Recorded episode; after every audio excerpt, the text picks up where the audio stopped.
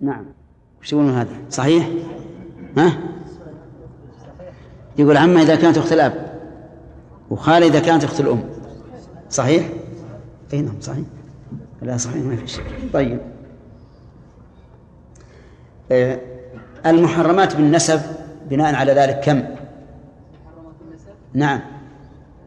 يعني بالقرابة. القرابة إيش الأصول كم؟ كم؟ أنا أقول عدد. ما هو ضوابط؟ أقول من من المحرمات بالنسب؟ كم عددهن محرمات النسب إي نعم. كم عددهن سبع. سبع. قلها.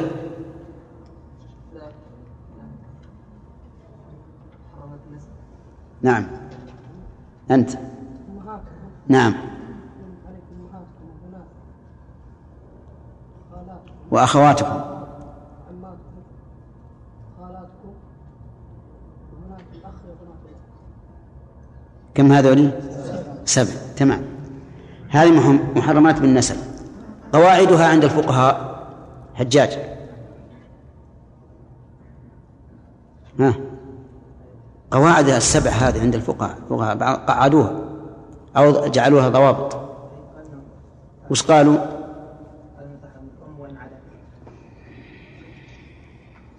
طيب. منصور؟ ها. اصبر. الأصول وإن علوا. أو إن علونا. والثاني؟ الفروع وإن نزلنا. والثالث؟ خطأ. الأصول وإن علونا. كذا؟ أقول وإن علونا؟ الأصول وإن علونا. متأكد؟ طيب.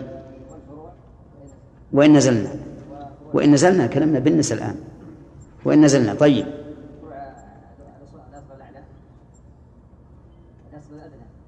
فروع الأصل الأدنى وإن نزل. وإن نزلنا. طيب. بقى واحد. من هم فروع الأصل الأدنى وإن نزلوا؟ وإن نزلنا. أي وإن نزلنا.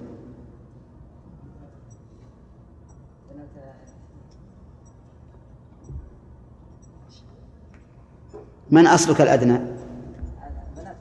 لا من أصلك الأدنى. إيه؟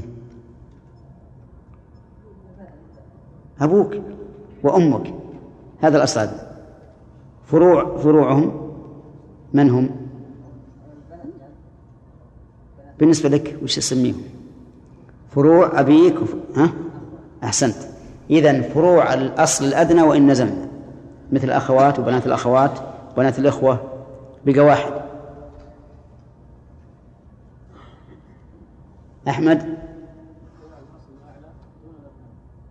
دون فروعهم. فروع الأصل الأدنى الأعلى دون فروعهم. من هم يا أحمد؟ العمات والخالات دون دون فروع. بنت العمة تصلح؟ بنت العمة ما تصلح؟ ها؟ يعني هل يصح أن يتزوج بها أو لا؟ يصح. تمام. بقي المحرمات بالرضاعة وهو الصنف الثاني. قال وأمهاتكم اللاتي أرضعنكم وهنا وقفنا. أظن في الشرح على هذا.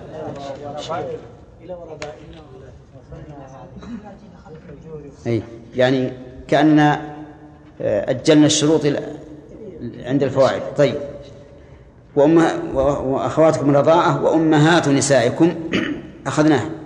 وربائبكم اللاتي في حجوركم من نسائكم اللاتي دخلتم بهن فإن لم تكونوا دخلتم بهن فلا جناح عليكم. كل هذه من محرمات بالصهر. محرمات بالصهر. قال وحلائل أبنائكم الذين من أصلابكم حلائل جمع حليلة. حلائل جمع حليلة. وتشمل الزوجة والمملوكة. لكن الزوجة تحرم على أبي الزوج بمجرد العقد بمجرد العقد. وأما السرية فلا تحرم على أبي السيد إلا بالوطن. عرفتم؟ إذا وطأها. وذلك أن السرية قبل أن يجامعها يحتمل أن تكون سلعة تباع وتشترى فإذا جامعها فقد اختارها لنفسه. فالحلائل إذن جمع حليلة وهي الزوجة التي استحلها بالعقد أو الأمة التي استحلها بالوطن. وقول حلائل وأبنائكم الذين من أصلابكم لم يذكر الله عز وجل فيها قيدا فتشمل كل زوجة سواء دخل بها الابن أم أم لم يدخل بها. وعلى هذا فزوجة الابن حرام على أبيه. وإن طلقها قبل الدخول وإن طلقها قبل الخلوة لعموم الآية. وقوله تعالى الذين من أصلابكم أصلاب جمع صلب وهو وهو الظهر. والمراد الأبناء الذين ولدوا من من مائكم. لأن هذا هو ابن الصلب الذين من أصلابكم وهذا قيد. قيد ماذا يخرج به؟ جمهور العلماء على أنه يخرج به أبناء التبني الذين تب... الذين كان من عادة الناس في الجاهلية أن يتبنى الإنسان ابنا له ويقول أن تبني ويجعله كابنه في الميراث وغيره. فقيد فقيد, فقيد الابن هنا بكونه من الصلب ليخرج ابن التبني. هذا هو رأي الجمهور. ولكنه لا مانع من أن يقال إنه يشمل ابن التبني وابن الرضاع. لأن ابن الرضاع ليس ابنا لك من صلبك. وابن الرضاع يسمى ابنا شرعا. لكن ابن التبني قد أبطله الشرع. فقال الله تعالى وما جعل أدعياءكم أبناءكم ذلكم قولكم بأفواهكم والله يقول الحق وهو يهدي السبيل. فإذا كان قد أبطل شرعا فلا حاجة إلى قيد يخرجه. لماذا؟ لأنه غير داخل في معنى البنوة عند الإطلاق. غير داخل شرعا. ولا حسا كذلك أيضا لأنه ليس من مائه وعلى هذا فيكون هذا القيد لإخراج ابن الرضاع أظهر منه لإخراج ابن التبني لأن ابن التبني غير معترف به شرعا فلا حاجة إلى قيد يخرجه من معنى البنوة. وإلى هذا ذهب شيخ الإسلام ابن تيمية رحمه الله. وإن كان يظن أنه خالف الناس في هذا لكن قوله عند التأمل هو هو الصواب. أن المصاهرة لا تجري في الرضاع في الرضاع ولا علاقة للرضاع فيها. لأن الحديث يحرم من الرضاع ما يحرم من النسب.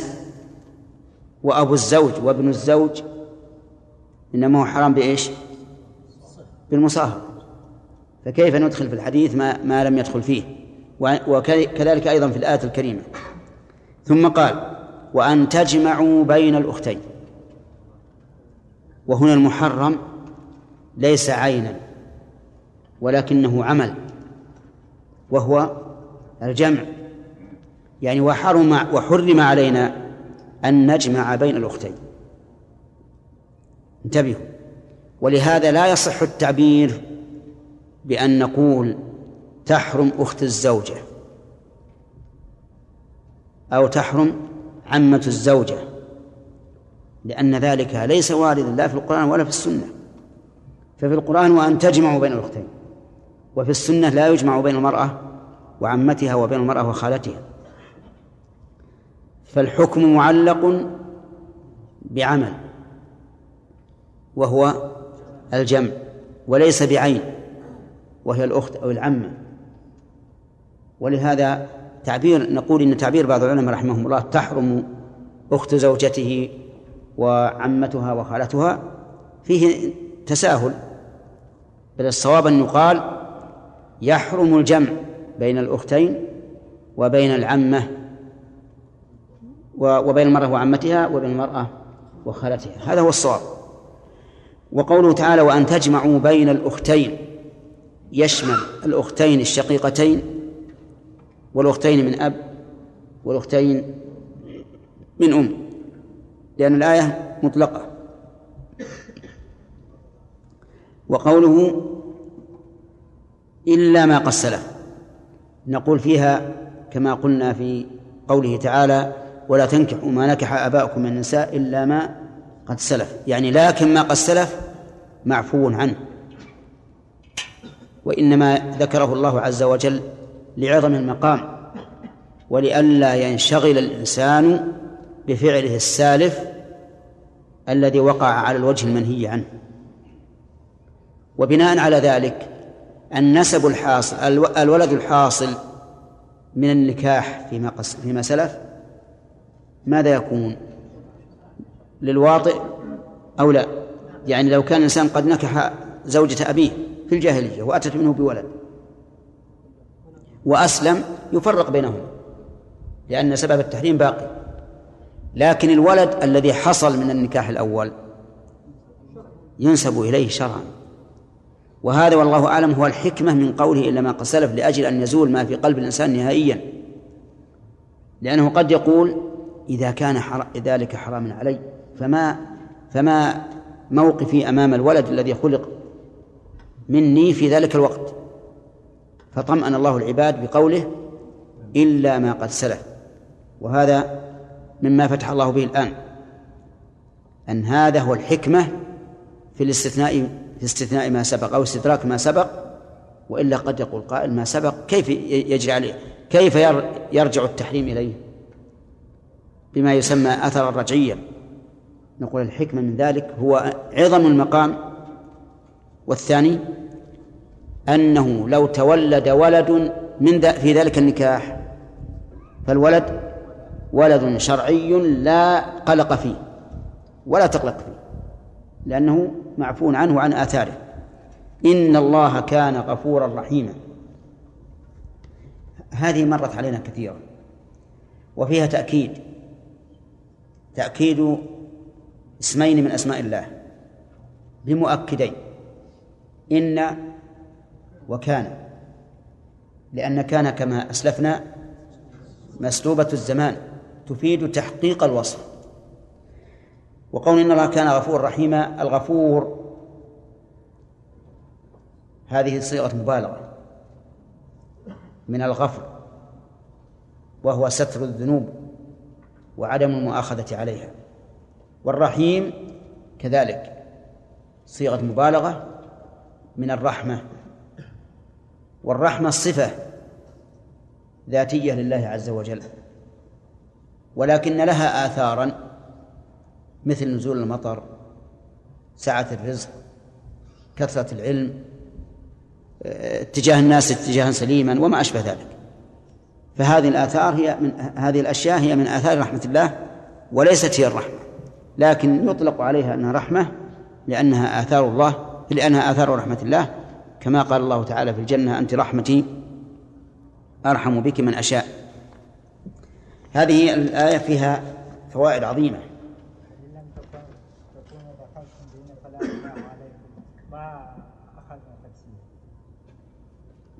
لا لا أخذناها. لا أخذناها. أخذناها يا يا هداية يا هداية الله أخذناها.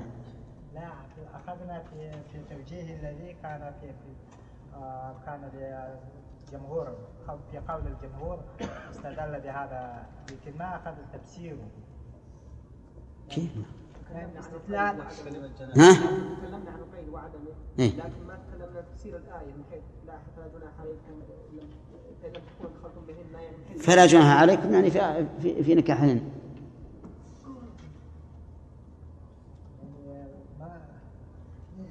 ما ذكر في توجيه في توجيه الجمهور الذي هم قالوا قال الجمهور يعني قيد الواحد معتبر واستدل بهذا نعم نعم. ونحن شرحنا بس ذكر في العبارة وما هو بالتفسير ذكر بالعبارة وليس ها؟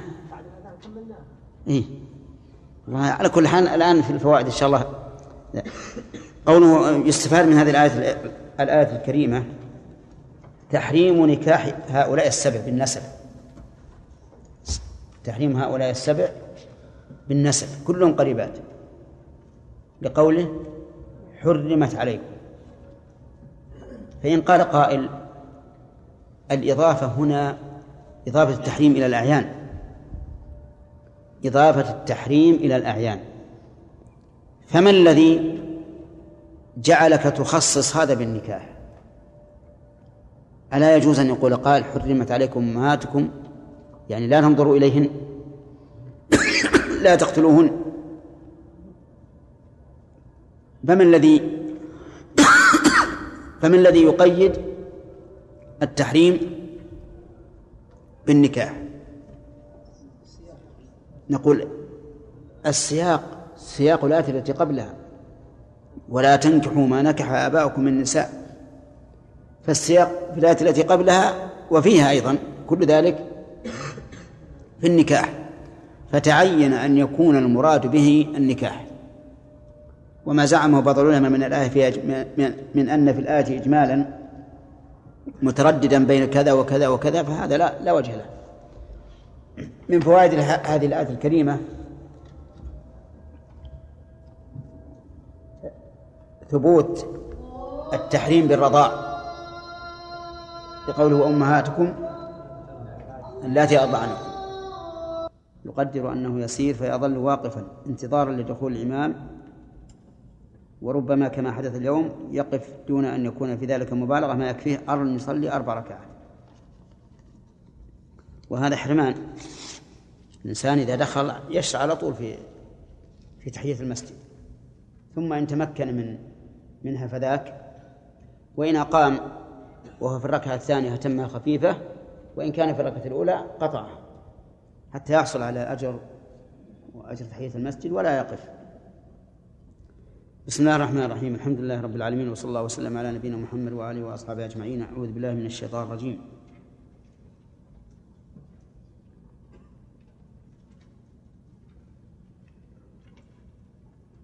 ما تقول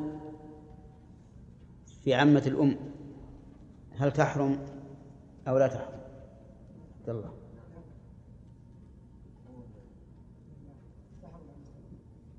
ما هي عمته؟ عمة أمه. تحرم؟ توافقونه عمة الأم هل تحرم على الإنسان؟ نعم. لا تحرم. تحرم؟ عمة أمه. ما هي عمة أبوه؟ حتى حتى عمة أمه؟ طيب. آه طيب. أخت أبيه هل تحرم عليه؟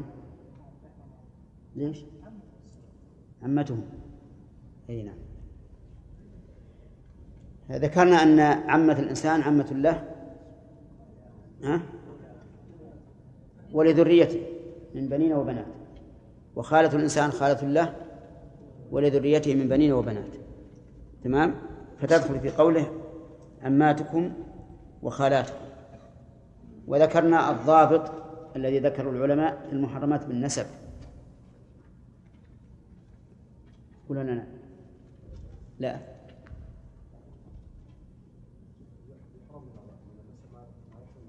لا لا لا. الضابط فيما يحرم من النسب.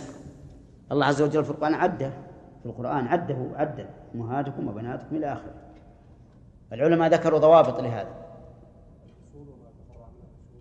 ما لا غلط الأصول وإن علوا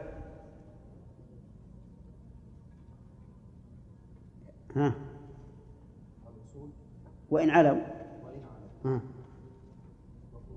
من يدخل في الأصول هلا ما هم تزوجها واحد لكن من يدخل في الأصول؟ إذا قلنا يحرم الإنسان أصول من يدخل فيه؟ الأم؟ وإن علت يعني الجدة من قبل الأب أو من قبل الأم بعدت أو قربت تدخل في الأصول. طيب الثاني؟ الفروع وين نزلوا لا ابن الحلال الأبناء ما يدخل هنا لا تجيبون الأبناء هنا إحنا الآن في في في عد النساء. يدخل فيه البنت وبنت الابن وبنت البنت وإن نزلت. كذا بدون تفصيل. بدون تفصيل. طيب. لا صالح الضابط الثالث. لا. ها؟ زكي. كيف خطأ؟ محمد؟ فروع الأصل الأعلى دون فروعهم. دون فروعهن صحيح؟ طيب. الرابع؟ وفروعه يعني وين نزل فروع الأصل الأدنى وين نزلوا؟ صحيح هذا؟ من هم فروع الأصل الأدنى؟ الأخوات. وبن... لا. وبناتهن. وبنات الإخوة. بنات. بنات الإخوة. بنات الإخوة. تأكد؟ طيب. إذا هذا هذه الضوابط. الوصول وإن علوا الفروع وإن نزل. فروع الأصل الأدنى وإن نزل. فروع الأصل الأعلى لصلبهم خاصة. لصلبهم خاصة. ما نقول وإن نزلوا؟ وإن نزلنا؟ لا. طيب. قال الله عز وجل في بقية المحرمات وأمهات نسائكم. قرأنا هذه. أمهات النساء من يدخل فيها سليم؟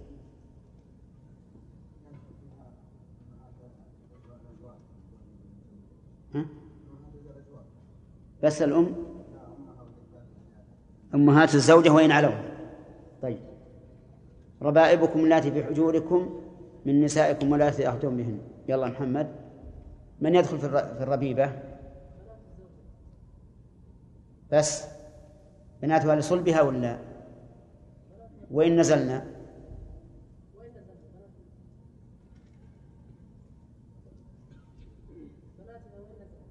انتبه. في من رفع يده. وإن نزلنا. طيب. توافقونه؟ بنات الزوجة وإن نزل.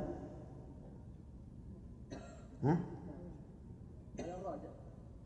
فيه راجح مرجوح بالمسألة دي؟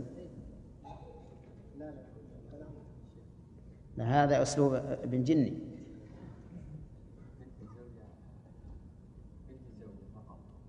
يعني دون فروعهن. يعني فروع الزوجة لصلبها فقط لا دون من نزل طيب إذا يجوز للزوج أن يتزوج بنت بنت زوجته ها.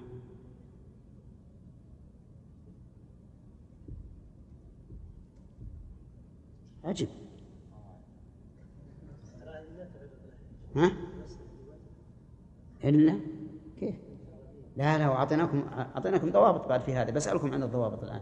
بس نبي نعد الآن الرب بالتفصيل كما ذكر الله الرب عز وجل. نعم. وإن نزل. بنات الزوجة وإن نزل. يعني بنت بنته. حرام على الزوج.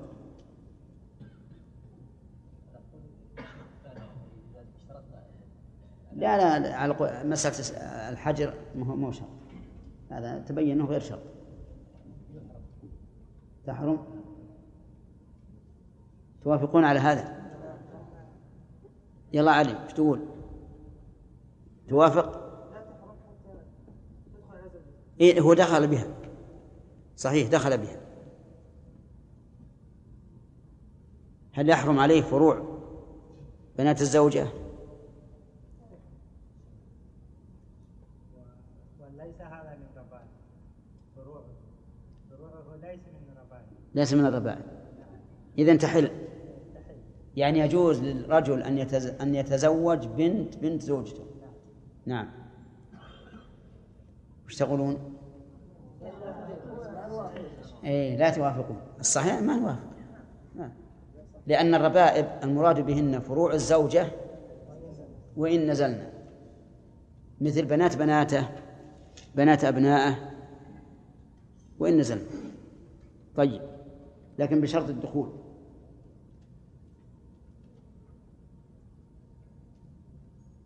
حلائل الأبناء. الأخ. أي نعم. لا يجوز أن يتزوجها زوجة ابنه؟ لا يجوز أن يتزوج زوجة ابنه؟ طيب وإن كان قد طلقها الابن؟ ولو مات عنها. ولو مات عنها. ولو فسخ نكاحها.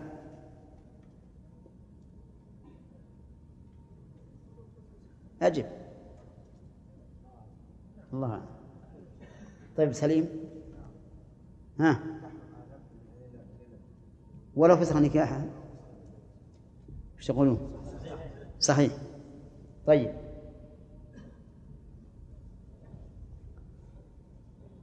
ما تقول في ابن الرضاع؟ هل تحرم زوجته على أبيه من الرضاع؟ قولا واحدا.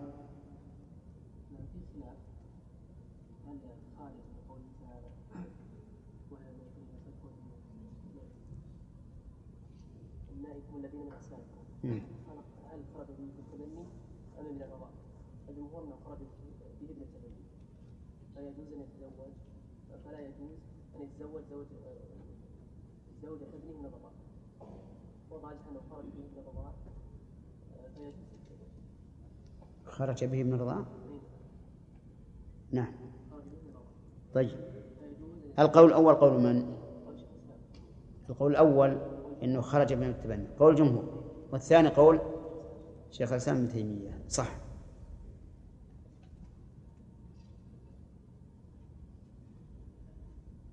طيب ما هو الضوابط في محرمات الصهر نحن عرفناها بالعد. نريد معرفتها بالضوابط. يلا عبد الرحمن. الضابط الأول. الضوابط في المحرمات بالصهر ها؟ الضوابط في المحرمات بالصهر عجيب. ضوابط الصهر اي اي ما كملناها. لكن بس إحنا ما أعطيناكم ضوابط في المحرمات. المحرمات بالنسب ما اعطيناكم ضوابط طيب الصهر. طيب الضوابط في الصهر. يحرم على الزوج خاصة الزوج خاصة. وصول زوجته وفروعها. وصول زوجته وفروعها على الزوج خاصة. لكن الأصول بمجرد العقد والفروع لا بد من الدخول. الفروع سماها الله ربائب والأصول سماها الله أمهات نسائكم. على الزوج خاصة. طيب. ويحرم على الزوجة خاصة وصول زوجها وفروعه. على الزوجة خاصة. وصول الزوجة وفروعه. هذه هذه المحرمات بالصدق. أربعة. وصول الزوج على من؟ على الزوجة خاصة فروع الزوج على الزوجة خاصة وصول الزوجة على الزوج خاصة وهذه الثلاث بمجرد العقد. يثبت فيها التحريم بمجرد العقد.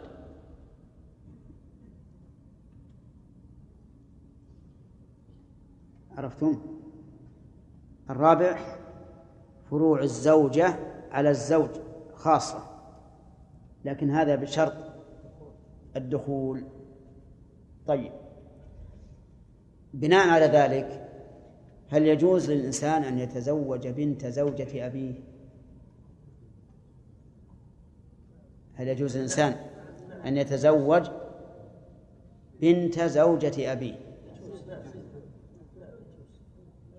يجوز؟ خطأ. في تفصيل. أين نعم. لا لا. لازم نقيم بنت زوجة أبيه إذا كانت زوجة زوجة أبيها اللي هي أمه ما يجوز. ليش؟ لأنها أخته. على كل حال هذا يعني ما هو بلا ذاك ما هو بوارد إلى هذا الحد. إذا يجوز للإنسان أن يتزوج بنت زوجة أبيه. هل يجوز أن يتزوج أم زوجة أبيه؟ أم زوجة أبيه. لا استبعدنا هذا الشر هذا التفصيل. أم زوجة أبيه. يجوز؟ طيب نشوف. الآن إحنا قلنا التحريم يتعلق بالزوج خاصة أو بالزوجة خاصة الزوج يحرم عليه أصول الزوجة فروعها والزوجة يحرم عليها أصول الزوج وفروعها. هذا الرجل أراد أن يتزوج أم زوجة أبيه. ليش؟ لأن أصول الزوجة إنما يحرمون يحرمنا على الزوج خاصة على الزوجة خاصة. انتبهوا لهذا التحريم يتعلق بالزوج فقط وبالزوجة فقط. الزوج يحرم عليه وصول زوجته وفروعها والزوجة يحرم عليها الزوجة خاصة وصول زوجها وفروع. طيب واضح تماما الآن؟ إن شاء الله ما في إشكال. هذا هو الضابط في في المحرمات بالصهر والقرآن واضح في هذا. ها؟ بعد الدخول بها. فروع الزوجة يشترط هذا محرم على التأبيد ما هو محرم إلى أمد ما هو بالمحرم الجامع. هذا على التأبيد. من حين ما يعقد على المرأة يحرم عليه أصولها أبد الآبدين. ويحرم عليه فروعها أبد الآبدين إذا دخل بها. هنا. طيب. أخت الزوجة؟ حرام على الزوج. هكذا نقول؟ لا ما نقول هكذا. نقول جاء الجمع بين الزوجة وأختها حرام. لأنه قال وأن تجمعوا وأن تجمعوا هذه معطوفة على قوله أمهاتكم. يعني وحرم عليكم أن تجمعوا بين الأختين. المحرمات بالجمع ثلاث أخت الزوجة وعمتها وخالتها. هذه المحرمات بالجمع. فلا يجوز الإنسان أن يجمع بين الزوجة بين المرأة وأختها ولا بين المرأة وعمتها. ماذا ما صلتها بعمتها ما صلتها بعمتها بنت أخيها ولا بالمرأة وخالتها؟ بنت أختها. هذه ثلاث محرمات بالجمع. عرفتم؟ ولا شك أن هذا أحسن من ضابط ضبط ذكره الفقهاء. أنه يحرم الجمع بين كل امرأتين. لو قدرت إحداهما ذكر لم تحل للأخرى بنسب أو رضاع لا مصاحب. لأن هذا الآن يحتاج إلى زمن لتصوره ثم تطبيقه. لكن إذا قلت الجمع بين المرأة وأختها كما في القرآن. الجمع بين المرأة وعمتها وبين المرأة وخالتها كما في السنة. طيب.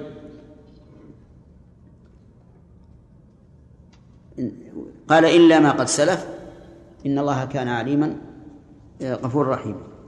أظن تكلم عليه. ما بقى الفوائد؟ إيه. ما هي؟ إيه. إيه.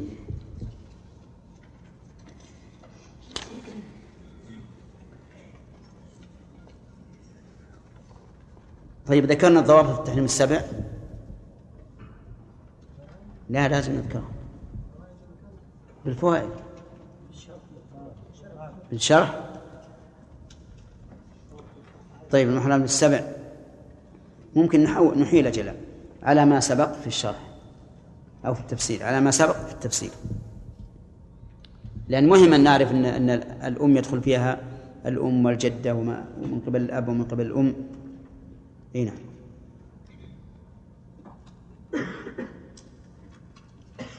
خلاص؟ الثاني ثبوت. التحريم بالرضاع. لقوله وأمهاتكم اللاتي أرضعنكم. ومن فوائد الآية الكريمة أن الأم عند الإطلاق لا يدخل فيها الأم من الرضاع. الأم عند الإطلاق لا يدخل فيها الأم من الرضاع.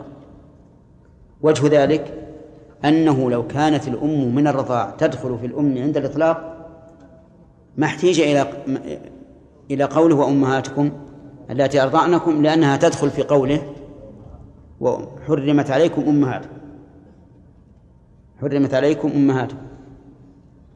ويتفرع على هذه الفائدة أن أم الزوجة من الرضاع لا تدخل في قوله وأمهات نسائكم. أم الزوجة من الرضاع لا تدخل في قوله وأمهات نسائكم. لماذا؟ لماذا؟ لأن الأم عند الإطلاق لا يدخل فيها الأم من الرضاع فإذا قال قائل أم الزوجة من الرضاع حرام لدخولها في عموم قوله وأمهات نسائكم قلنا لا نسلم هذا ليش؟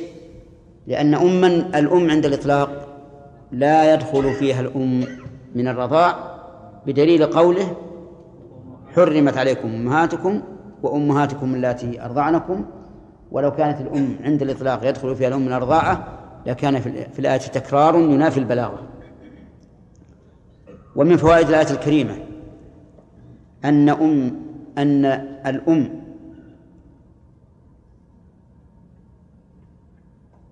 قبل من فوائد الآية الكريمة ثبوت الأمومة بالرضاع.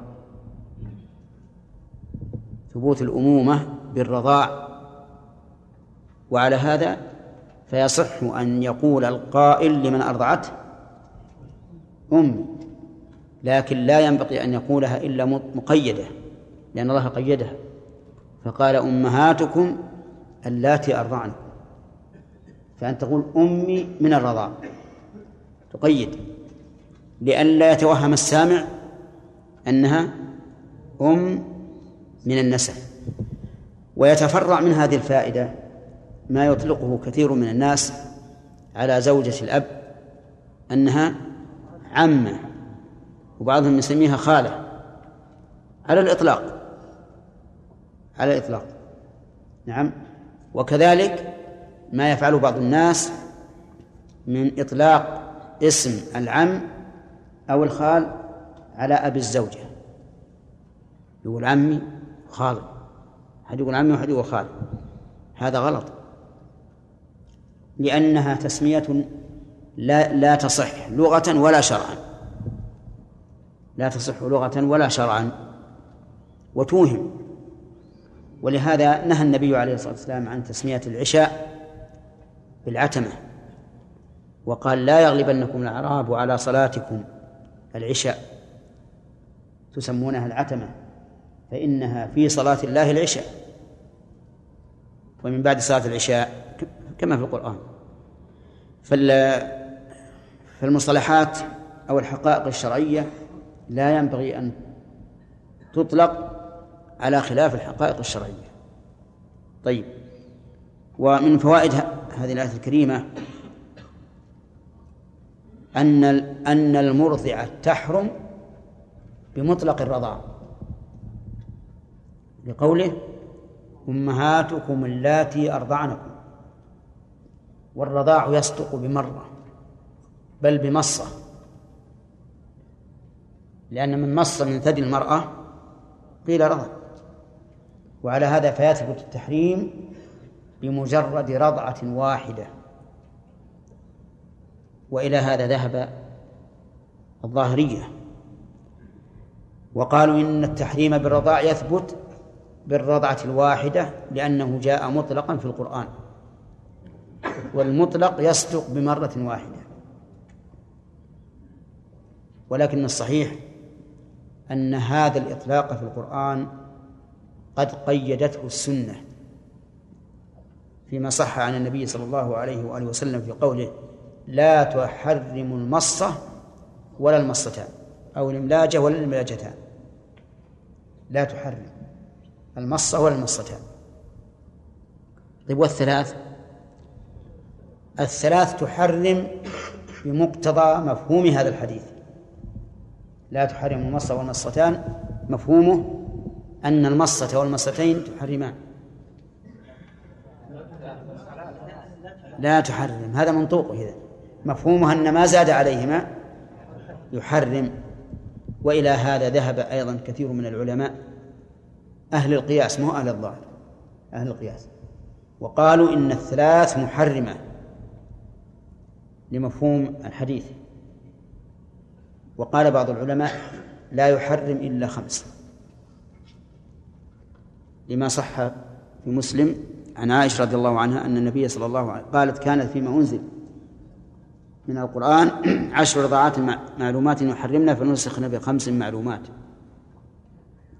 فتوفي رسول الله صلى الله عليه وآله وسلم وهي فيما يقرأ من القرآن. وإلى هذا ذهب الإمام أحمد رحمه الله إلى أن المحرم خمس رضاعات. وأجاب عن الحديث لا تحرم المصة والمصتان بأن تحريم الثلاث بالمفهوم. وإذا تعارض المفهوم والمنطوق يقدم إيش؟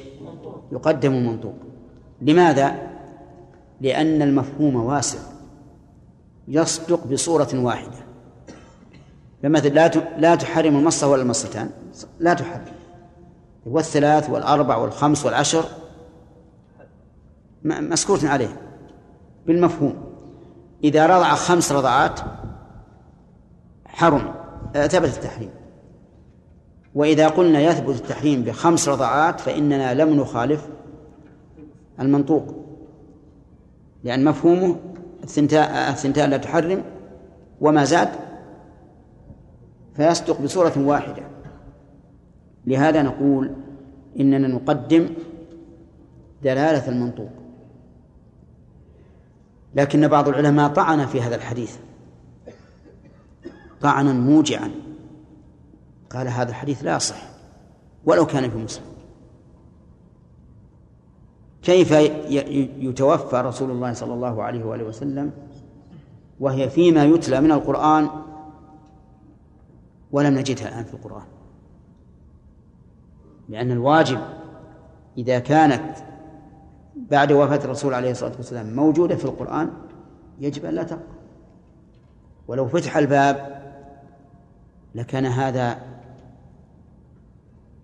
سبيلا إلى تصحيح قول الرافضة. إن في القرآن شيئا محذوفا. وبناء على ذلك فالمتن منكر.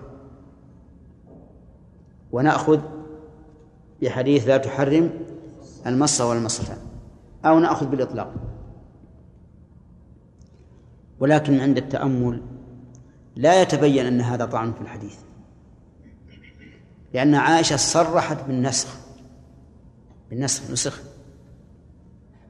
ولكنها كانت في من القرآن عند وفاة الرسول صلى الله عليه وسلم لعدم علم التالي لها بإيش؟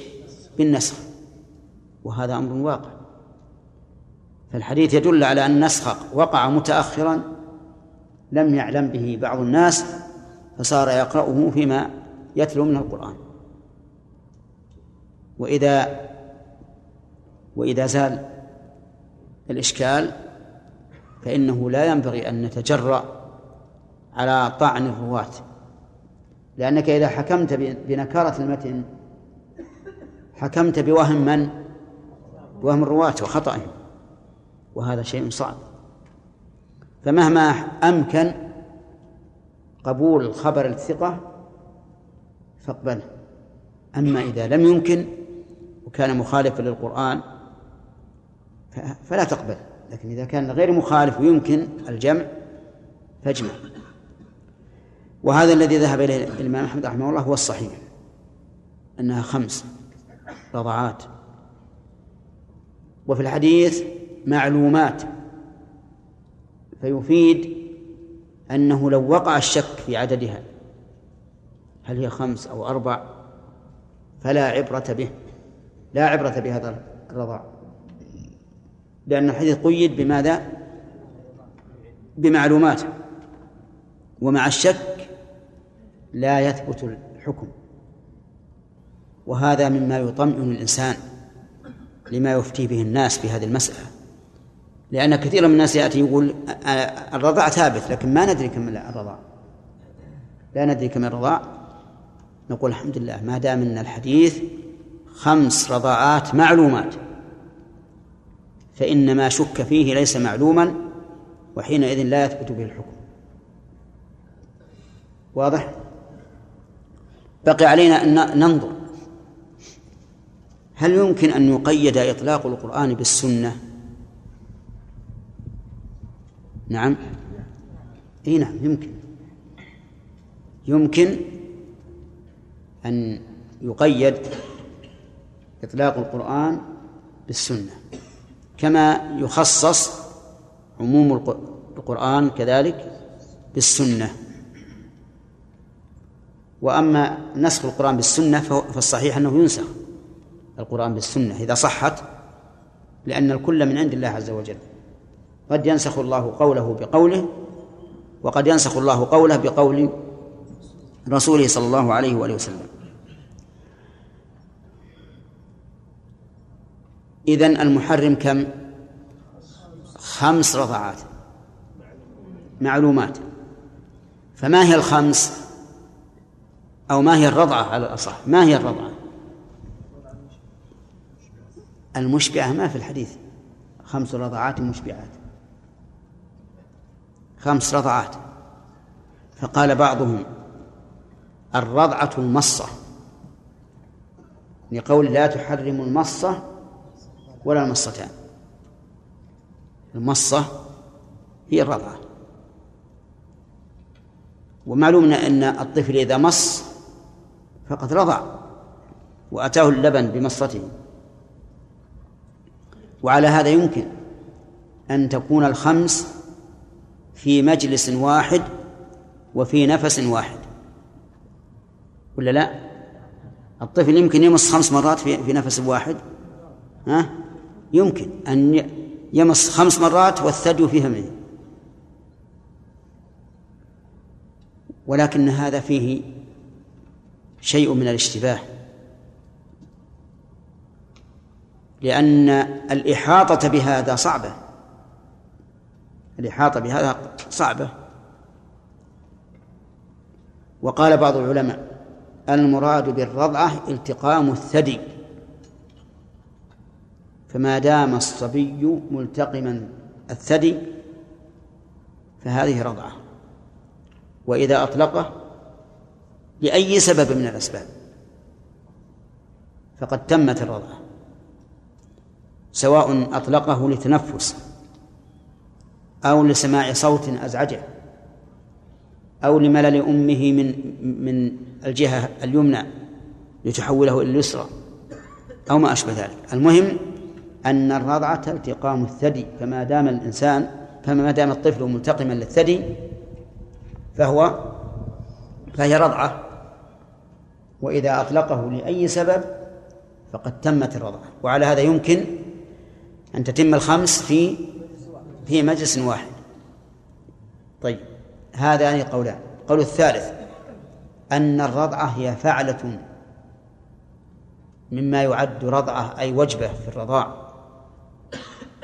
كما تقول أكلة. أكلة.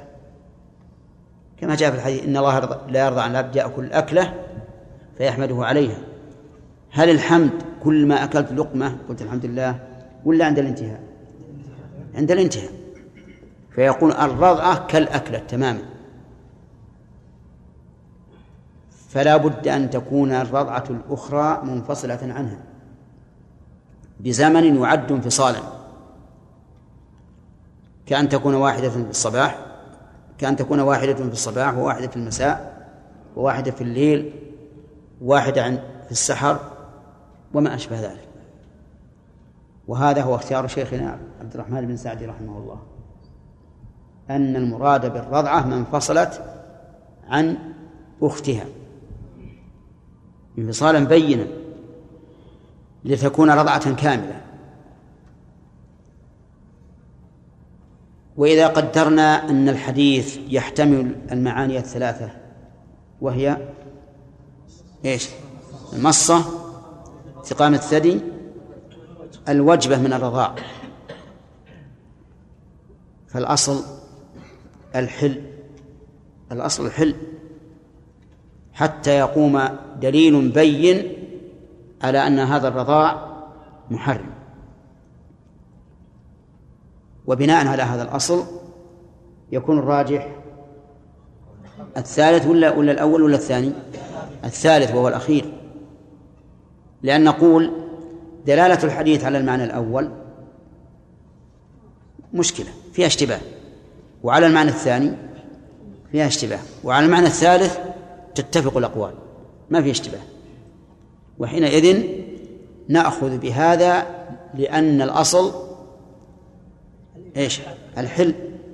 حتى يثبت التحريم بيقين ليرفع هذا الأصل. يرفع هذا الأصل.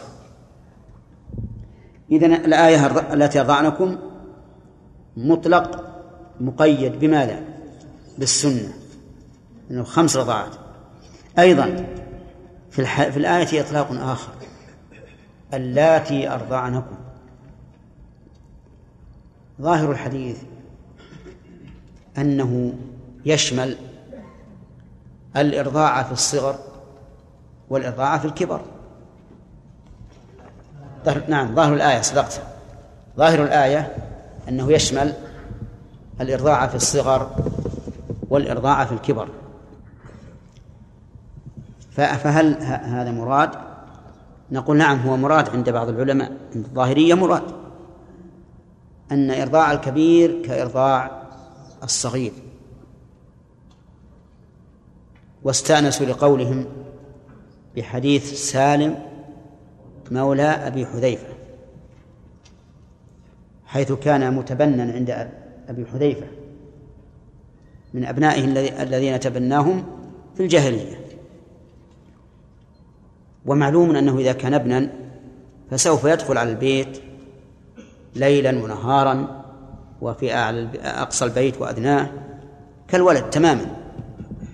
فلما أبطل الله التبني جاءت امرأته امرأة أبي حذيفة إلى النبي عليه الصلاة والسلام وقالت إن, إن سالما كان يدخل علينا يعني ويشق علينا أن نتحرز منه. فقال أرضعيه تحرمي عليه. أرضعيه تحرمي عليه. يعني وإذا حرمت عليه جاز أن ينظر إليك وأن يخلو بك. وهو كبير. وهذا الحديث مطابق لظاهر الآية. فيكون شاهدا للإطلاق. يكون شاهدا للإطلاق. عرفتم؟ وقال بعض العلماء إنه لا يعتبر الرضاع إلا إذا كان في الحولين. لأن قوله أمهاتكم اللاتي أرضعنكم أي الإرضاع المعتبر شرعا. وقد قال الله تعالى والوالدات يرضعن أولادهن حولين كاملين. فما كان في الحولين فهو رضاع معتبر وما كان بعد الحولين فلا عبرة به. لأن هذا هو زمن الإرضاع الذي قال الله تعالى فيه أرضعنكم. اللاتي أرضعنكم وهذا هو المشهور عند أكثر أهل العلم وهو المشهور من مذهب الإمام أحمد أن العبرة بماذا؟ بالحولين فما كان قبلهما فهو رضاع معتبر وما كان بعدهما فليس بمعتبر قالوا وهذا حد فاصل لا يبقي الشباه وعليه فلو فلو أرضعته أربع مرات في يوم السبت. نعم ثلاث مرات في يوم السبت والرابعة في ضحى يوم الأحد والخامسة بعد ظهر يوم الأحد. لكن كانت ولادته عند زوال الشمس. يعني يتم سنتين عند زوال الشمس. فهل الرضاع معتبر أو غير معتبر؟ ها؟ غير غير معتبر. لأن الخامسة وقعت بعد الحولين فلا يعتبر. مع مع أن الرابعة لم تتهضم بعد من المعدة. هي في معدته ولكن تمت السنتان. كما أن الرجل قبل تمام خمسة عشر سنة غير بالغ وبعدها بالغ. يعني لو أن الشخص فعل شيئا يشترط فيه البلوغ ضحى اليوم الذي بلغ فيه فإنه لا يؤاخذ به وآخر النهار يؤخذ به. آخر النهار يؤخذ به. طيب. وقال بعض العلماء المعتبر الفطام المعتبر الفطام فما كان قبل الفطام فهو معتبر. وما كان بعده فليس بمعتبر. لحديث لا رضاع إلا ما أنشز العظم وكان قبل الفطام. وهذا وإن كان فيه شيء من النظر من من الصحة يعني أنه ضعيف. لكن يؤيده النظر لأن الإرضاع قبل الفطام يؤثر في نمو الولد وليس له إلا هذا الغذاء. وبعده بعد الفطام لا فرق بين الصغير والكبير في تأثير إيش؟ الرضاع. لأن إذا فطم وصار لا يأكل إلا الطعام لا فرق بينه وبين من له عشر سنوات. تأثير الغذاء عنده باللبن كتأثير آه، كتأثيره عند صاحب عشر سنوات.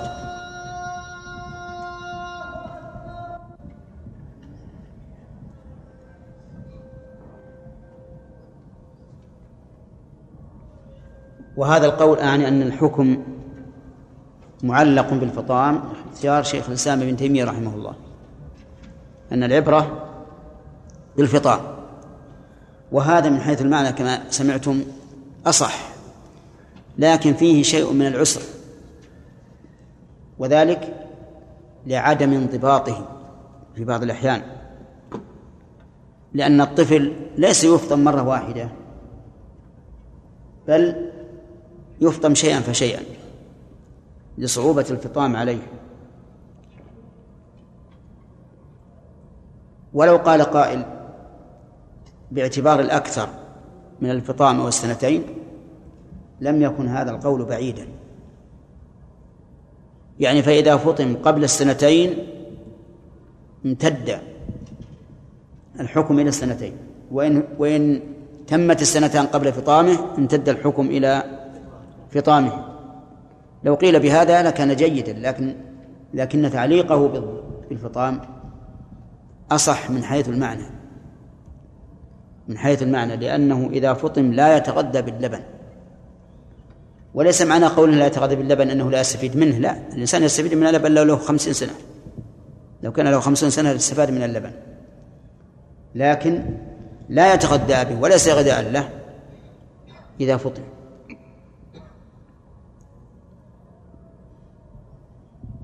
طيب فإن قال قائل ما الجواب عن إطلاق الآية؟ وعن قصة سالم. قلنا أما إطلاق الآية فقد ذكرنا أنها مقيدة بعدد خمس رضاعات. فلتقيد بزمن أيضا وهو الحولين. ثم إن ظاهر الآية أيضا يؤيد ما اشتراط الفطام لأنه قال اللاتي أرضعنكم ومعلوم أن الكبار ليسوا من المراضيع قد فطموا وانتهوا. فظاهر أن أرضعنكم يعني في وقت الرضاع. ونرد عليهم بالنسبة لقصة سالم مولى أبي حذيفة بأحد وجهين. بل بأحد ثلاثة أوجه. إما أنها منسوخة أو مخصوصة خاصة به. به عينا أو مخصوصة به نوعا.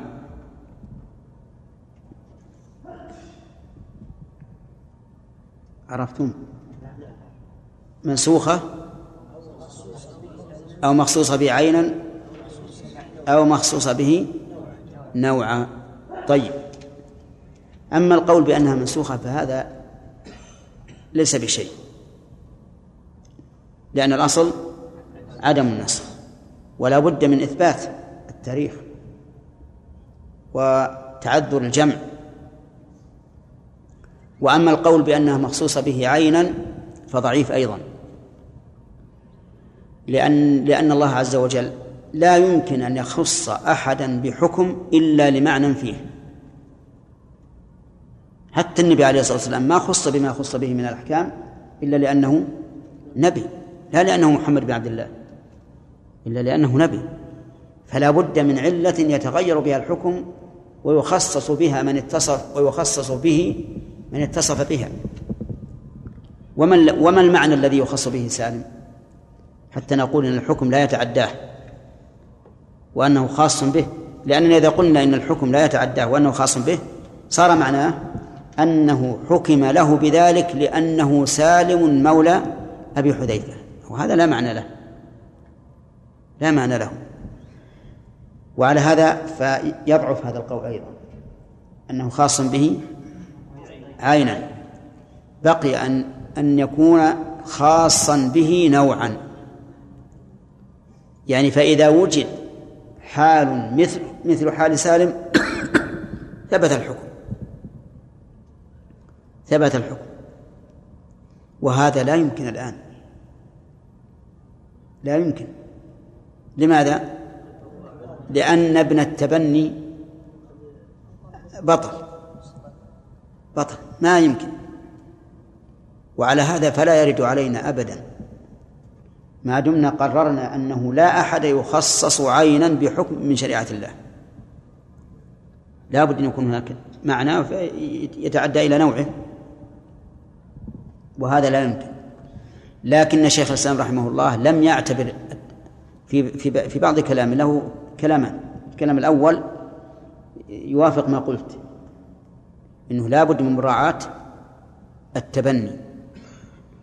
المعنى القول الثاني إنه يعتبر الحاجة وأنه متى احتيج إلى إرضاء الكبير رضع رضع وثبت حكم الرضاع. ولكن قوله هذا ضعيف. كقول الجمهور الجمهور يرون أن رضاع الكبير ما نعم لا قوله هذا ضعيف. لماذا؟ لأن النبي صلى الله عليه وآله وسلم قال إياكم والدخول على النساء. قالوا يا رسول الله أرأيت الحمو؟ من الحمو؟ أخو الزوج أو عمه أو خاله وما أشبه ذلك قريبه قال الحمو الموت. ومعلوم أن أخ الزوج يحتاج إلى الدخول إلى بيت زوج إلى بيت أخيه لا سيما إذا كانوا في بيت واحد. ولو كان إرضاع الكبير مؤثرا لقال الحمو ترضعه زوجة قريبة ليزول الحرج. فلما لم يقل ذلك علم أن مطلق الحاجة لا يؤثر في ثبوت حكم الرضاع في الكبير. وأنه لا بد أن تكون حاجة خاصة نتمشى فيها على كل ما حصل في قضية سالم مولى أبي حذيفة. وإذا اعتبرنا ذلك صارت الآن إيش؟ غير موجودة. وبهذا تسلم الأدلة من التعارض ويحصل الجمع بينها. طيب. في أيضا أمهاتكم اللاتي أرضعنكم هل لا بد من مباشرة الإرضاع بحيث لو صب اللبن في إناء وشربه الطفل لا يؤثر؟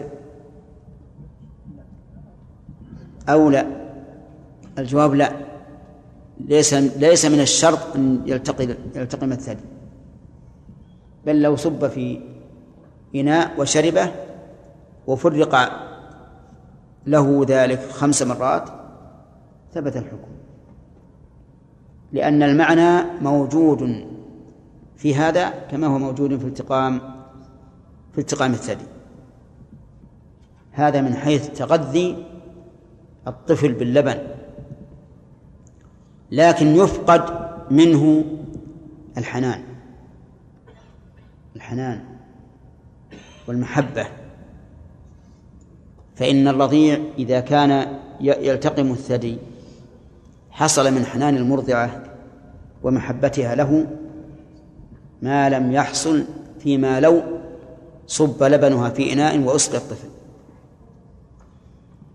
فهل هذا معتبر وأن الشرع لاحظ التحريم بالرضاع لأنه يحصل من المرضعة مثل ما يحصل من أم النسب من المحبة والحنو. فلذلك صارت هذه العلاقة مؤثرة. أو أن المقصود تغذي الطفل باللبن. نعم. هذا هو موضع خلاف فيما أظن. لكن الظاهر العموم. يعني أنه لا فرق بين أن يرتضعه من ثدي المرضعة أو أن يصب له في إناء ويشرب لأن الجسم يتغذى بهذا وهذا. واضح؟ والله أعلم. ما في أسئلة. فرائض. على بعض النصوص التي وردت إما عن النبي عليه الصلاة والسلام وإما من السلف. كتحسين اللفظ كقول الأخ لا يزيغ عنها إلا هالك أو مشرك. أي. مع أو مشرك. هذا الهالك تعم المشرك وغير المشرك. لكن من باب يعني عطف الخاص الأشد على الأخف هذه مما يتسامح فيه. وما دام لم يعزها للرسول عليه الصلاة والسلام فلا بأس. أما لو عزاها للرسول قلنا لا تتجاوز. ثلاثة جن؟ خلاص. ها؟ في غير محل. يلا يا أبو حسن. شيخ الله يحفظك بالنسبة لما الأخ خالد يعني الإمام السيوطي رحمه الله يقول إن الإدراج بكلام النبي صلى الله عليه وسلم هو ما عزاه للرسول. لكن كلمة قد احذفها هنا. ما عزاه للرسول. بسم الله الرحمن الرحيم الحمد لله رب العالمين وصلى الله وسلم على نبينا محمد الأسبوع القادم ومن بعده نائبه أعوذ بالله من الشيطان الرجيم قال الله تبارك وتعالى وأمهاتكم اللاتي أرضعنكم أخذنا منها فوائد تكلمنا على الرضاع بما يغني عن إعادته ومن فوائد هذا الحديث هذه الآية الكريمة أن لبن الفحل محرم إيش معنى لبن الفحل محرم؟ يعني أن الأخت من الأب من الرضاعة حرام. لعموم قوله وأخواتكم من الرضاعة. وهذا والله أعلم من فائدة ذكر الأخوات دون البنات من الرضاعة. البنات من الرضاعة ما ذكر والعمات ما ذكرن لكن الأخوات تغني عن العمات لأنهن حواشي. وهن أقرب الحواشي إلى الإنسان. إذا نستفاد من هذه الآية أن الأخوات من الأب أو الأخوات من الأم أو الأخوات من أم وأب من الرضاء كلهن حرام. كلهن حرام. طيب. ومن فوائد الآية الآية الكريمة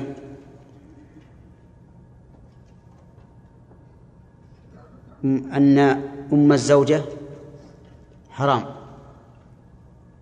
بدون شرط لقوله وأمهات نسائكم.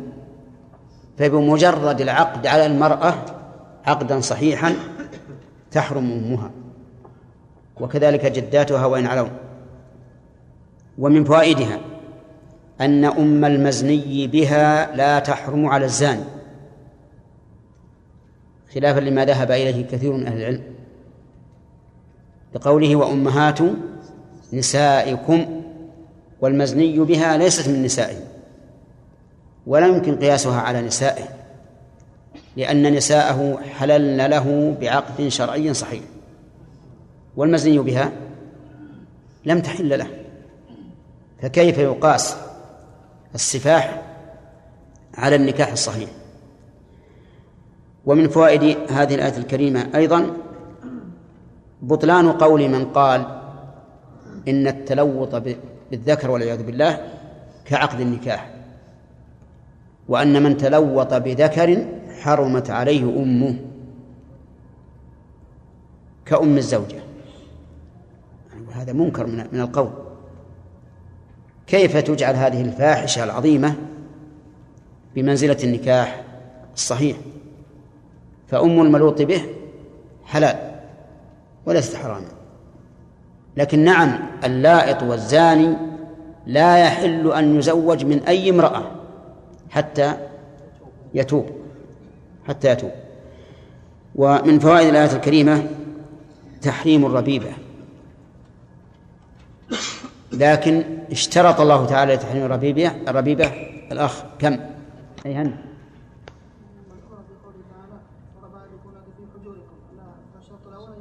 الشرط الأول أن تكون في حجره والشرط الثاني أن يكون قد دخل بأمها. طيب. ولكن دلت الآية الكريمة على أن الشرط كونها في الحجر غير مقصود. لبيان الواقع وليس شرطا للحكم. بدليل قوله فإن لم تكونوا دخلتم بهن فلا جناح عليكم. ومن فوائد الآية الكريمة تحريم حلائل الأبناء. من زوجات أو مملوكات. بقوله حلائل أبنائكم.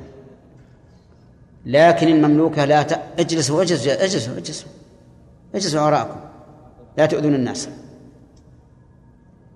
لكن الزوجة لا تكون المملوكة لا تكون حليلة إلا بالوطي. الزوجة لا تكون المملوكة لا تكون حليلة إلا بالوطي ولذلك لو أن شخصا اشترى أمة ولم يطأها ثم ملكها أبوه فإنها تحل لأبيه. لكن لو عقد على امرأة ولم يطأها ثم طلقها فلا تحل لأبيه. طيب لأن لأن المملوكة لا تكون حليلة إلا بالوطي وأما الزوجة فتكون حليلة بمجرد العقد الصحيح. ومن فوائد الآية الكريمة أن حليلة ابن الرضاع لا تحرم. بقوله الذين من أصلابكم. وسبق في التفسير باختلاف العلماء هل هذا القيد مخرج لابن التبني أو لابن الرضاع. وذكرنا أن الصواب أنه مخرج لابن الرضاع. أما ابن التبني فإنه ليس ابنا شرعيا فلا يحتاج إلى قيد لإخراجه. ومن فوائد الآية الكريمة تحريم الجمع بين الأختين. تحريم الجمع بين الأختين. لقوله أن تجمعوا بين الأختين. وعمومه يشمل الأختين من النسب والأختين من الرضاع. فلا يجوز أن يجمع الإنسان بين أختين من الرضاع ولا بين أختين من النسب. وهل هذا شامل لملك اليمين أو خاص بعقد النكاح؟ اختلف فيه السلف والصحيح أنه شامل لملك اليمين وعقد النكاح وأن الإنسان إذا كان عنده مملوكتان أختان ووطئ إحداهما فإن الأخرى تحرم عليه حتى يحرم الموطوءة بإخراج لها عن ملكه يبيعها مثلا أو يزوجها أو يزوجها بعد الاستبراء. أما ما دامت عنده وقد وطئها فإنها فإنه لا يحل له أن يطأ الأخرى. طيب وبالنسبة للنكاح هل يشترط لتحريم الأخت أن يطأ التي عنده أو تحرم الأخت بمجرد العقد؟ تحرم الأخت بمجرد العقد. ولهذا يجوز أن يجمع بين الأختين في ملك يمين بعقد بيع أو غيره ولا يجوز أن يجمع بينهما بعقد نكاح. والفرق أن ملك اليمين يراد للعقد يراد للوطء ولغيره والنكاح للوطء فصار الحكم يا عبد الله صار الحكم ثابتا بمجرد العقد بالنكاح أما في الإماء فبالوطء طيب. وأظن نعم. ومن فوائد هذه الآية الكريمة أن ما سلف من الذنوب قبل الشرع فلا يؤاخذ به. لقوله إلا ما قد سلف. وكذلك ما حصل من الذنوب بعد الشرع قبل علم الفاعل فإنه لا يؤاخذ به. لقول الله تعالى فمن جاءه موعظة من ربه فانتهى فله ما سلف وأمره إلى الله. ولكن سبق لنا أنه إذا كان مفرطا في ترك السؤال فترك واجبا من أجل هذا التفريط فإنه يلزمه قضاء. نعم. ومن فوائد الآية الكريمة إثبات اسمين من أسماء الله هما الغفور والرحيم. فبالمغفرة زوال المكروه وبالرحمة حصول المطلوب. المغفرة للذنوب والرحمة للحسنات أن الله يرفع بها درجات. طيب و ومن هذين الاسمين نأخذ صفتين هما المغفرة والرحمة لأن من طريق أهل السنة والجماعة أن كل اسم من أسماء الله دال على ذات الله وصفته والصفة المشتق منها.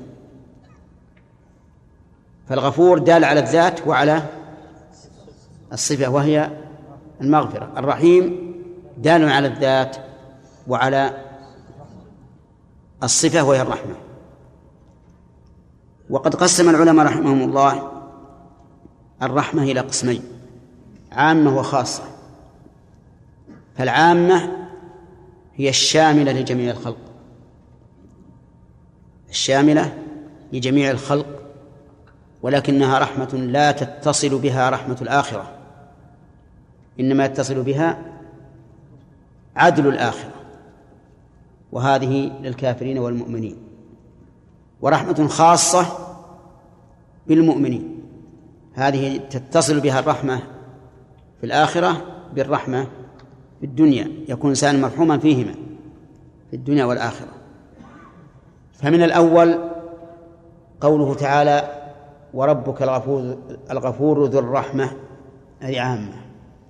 وقوله الرحمن الرحيم. ومن الثاني قوله تعالى وكان بالمؤمنين رحيما. ثم قال تعالى والمحصنات من النساء إلا ما ملكت أيمانكم. يعني وحرمت عليكم المحصنات من النساء إلا ما ملكت أيمانكم. المحصنات اسم مفعول من فعل رباعي وهو أحصن. أحصن. أحصن. لأن اسم المفعول يكون فعله مبنيا للمفعول. والإحصان يطلق على عدة معاني فيطلق على الحرائر. ويطلق على العفيفات. ويطلق على المتزوجات. وكل هذا جاء في القرآن. قال الله تعالى في الأول ومن لم يستطع منكم طولا أن ينكح المحصنات المؤمنات فمما ملكت أيمانكم. المراد بالمحصنات هنا الحرائر. ومن الثاني قوله تعالى إن الذين يرمون المحصنات الغافلات المؤمنات لعنوا في الدنيا والآخرة. المحصنات يعني العفيفات عن عن الزنا. ومن الثالث المتزوجات هذه الآية والمحصنات من النساء إلا ما ملكت أيمانكم.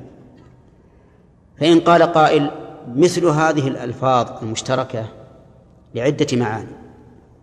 كيف نعرف تعيين المعنى المقصود من هذه المعاني؟ نقول نعرفه بالسياق. نعرفه بالسياق. فإن لم يكن سياق يعين فالصحيح أنه يجوز استعمال الاسم المشترك في جميع معانيه ويكون شاملا لها. كما يشمل اللفظ العام جميع أفراده. فاللفظ المشترك بين معنيين فأكثر يكون عاما للمعنيين. إذا لم يوجد قرينة تعين أحد المعنيين. انتبهوا للفائدة هذه. كما أن اللفظ العام يشمل جميع أفراده فاللفظ المشترك يشمل جميع معانيه. لننظر الآن في الأمثلة الثلاثة. المثال الأول أن المراد بالمحصنات الحرائر. ما هو السياق الذي يعين ذلك؟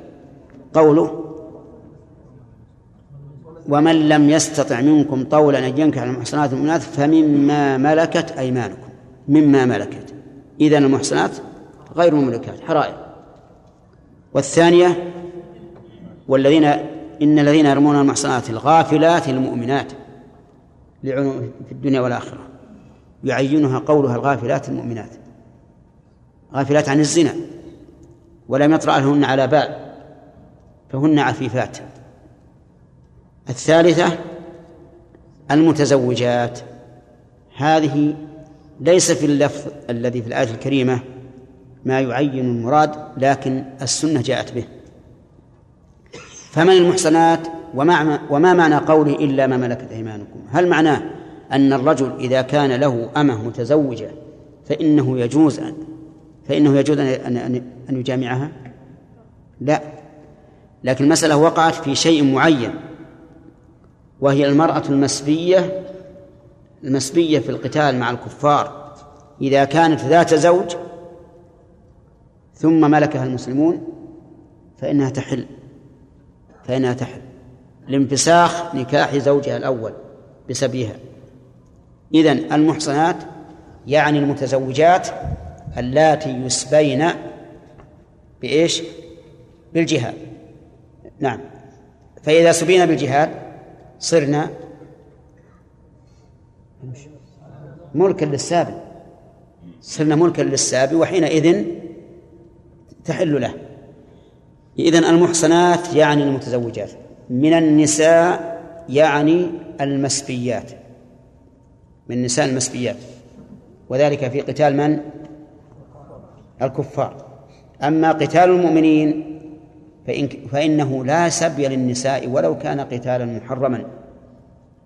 كأهل البغي مثلا. فإن نساءهم لا يسبون لا يسبين.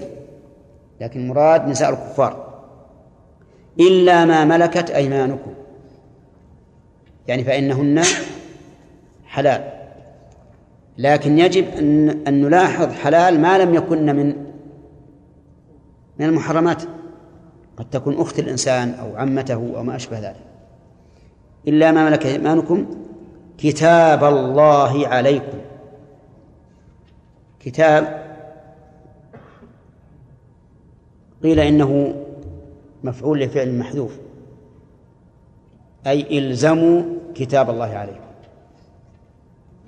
أي إلزموا فريضة الله عليكم لأن الكتاب هنا بمعنى مكتوب أي مفروض والكتب يأتي بمعنى الفرض كما في قوله كتب عليكم الصيام. إلزموا كتاب الله عليكم أي إلزموا فريضة الله عليكم. لا تتجاوزوها. وأكد الله ذلك لأهميته. ويحتمل أن يكون كتاب الله مصدرا لفعل محذوف. أي كتب الله كتاب الله عليكم. فيكون مصدرا لفعل محذوف دل عليه السياق. لكن المعنى الأول كأنه أوضح. كتاب الله عليكم أي فرضه. مفروض عليكم. وأحل لكم ما وراء ذلكم. أحل وفي قراءة سبعية أحل أحل. فالقراءة السبعية أحل. أليق بالسياق في قوله كتاب الله عليه. والقراءة الأخرى السبعية أحل. أليق بالسياق في قوله حرمت عليكم أمهاتكم. يعني حرم مبين المفعول. أحل. مبين المفعول فيكون تناسب بين اللفظين الدالين على هذين الحكمين. وقوله أحل وعلى كل حال فالقراءة التي فيها البناء المفعول حذف الفاعل لأنه معلوم لأن الخلق أو أو الشرع إذا بني للمفعول فإنما ذلك للعلم بالفاعل لأنه لا خالق إلا الله ولا شارع إلا الله عز وجل. وقوله أحل لكم ما وراء ذلكم ما وراء هنا بمعنى دون أو سوى. يعني ما سوى ذلك فهو حلال. وهذا لفظ عام. ما وراء ذلكم. يعني ما اسم موصول للعموم.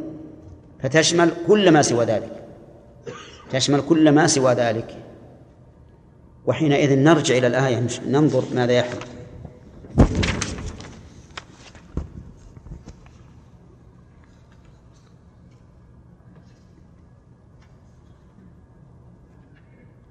العمة من الرضاع. حلال. هل ذكرت؟ أخواتكم من الرضاعة. نقول قال النبي صلى الله عليه وآله وسلم يحرم من الرضاع ما يحرم من النسب. فيكون هذا الحكم مما زادت به السنة. وما جاء عن رسول الله فهو كما جاء عن الله. من يطع الرسول فقد أطاع الله ومن يعص الرسول فقد عصى الله. إذن تحريم العمة نعم من الرضاع والخالة من الرضاع مستفاد من أي؟ من السنة. طيب إذن أحل لكم ما وراء ذلكم دخله تخصيص. ما هو؟ العمة من الرضاع والخالة من الرضاع. وأن تجمعوا بين الأختين. طيب لو جمع الإنسان بين المرأة وعمتها لا يجوز؟ لا. الله قال بين الأختين. ولا شك أن بين الأختين من الروابط ما ليس بين غيرهما. نقول جاءت به السنة. لا يجمع بين المرأة وعمتها ولا بين المرأة وخالتها. إذن عندنا الآن ثلاث. أربع. أربع. العمة من الرضاع والخالة من الرضاع والجمع بين المرأة وعمتها والجمع بين المرأة وخالتها. كل ذلك مما جاءت به السنة فيكون مخصصا لعموم قوله وأحل لكم ما وراء ذلك.